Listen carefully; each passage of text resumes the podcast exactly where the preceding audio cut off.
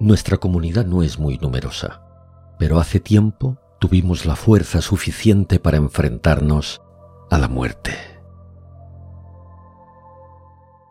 Durante muchos años fue una lucha desigual, a veces implacable, hasta que poco a poco los avances científicos y el poder de los remedios descubiertos redujeron tanto el suyo que sólo se atrevía con los más ancianos, los débiles y los suicidas. Pero aspirábamos a más. Fue entonces cuando ella nos propuso el pacto. Dijo encontrarse cansada y, que se comprometía a llevarse solo a uno de los nuestros al año si pudiera elegir a quien quisiese. Era una oferta tentadora, imposible de conseguir por nuestra cuenta. Y aunque sospechamos que la muerte empezaría con nosotros, los hombres más importantes de la comunidad, decidimos aceptarla y sacrificarnos. nos sentimos más que importantes, nos sentimos héroes.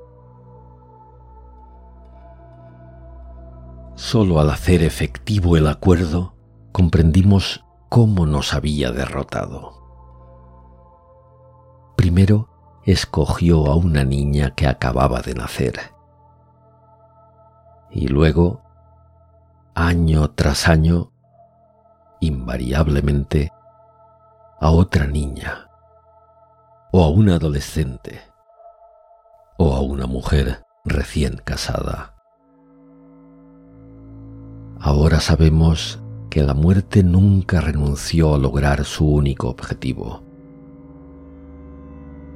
Y mientras tanto, a nosotros nos esperan los años más tristes de nuestra vida.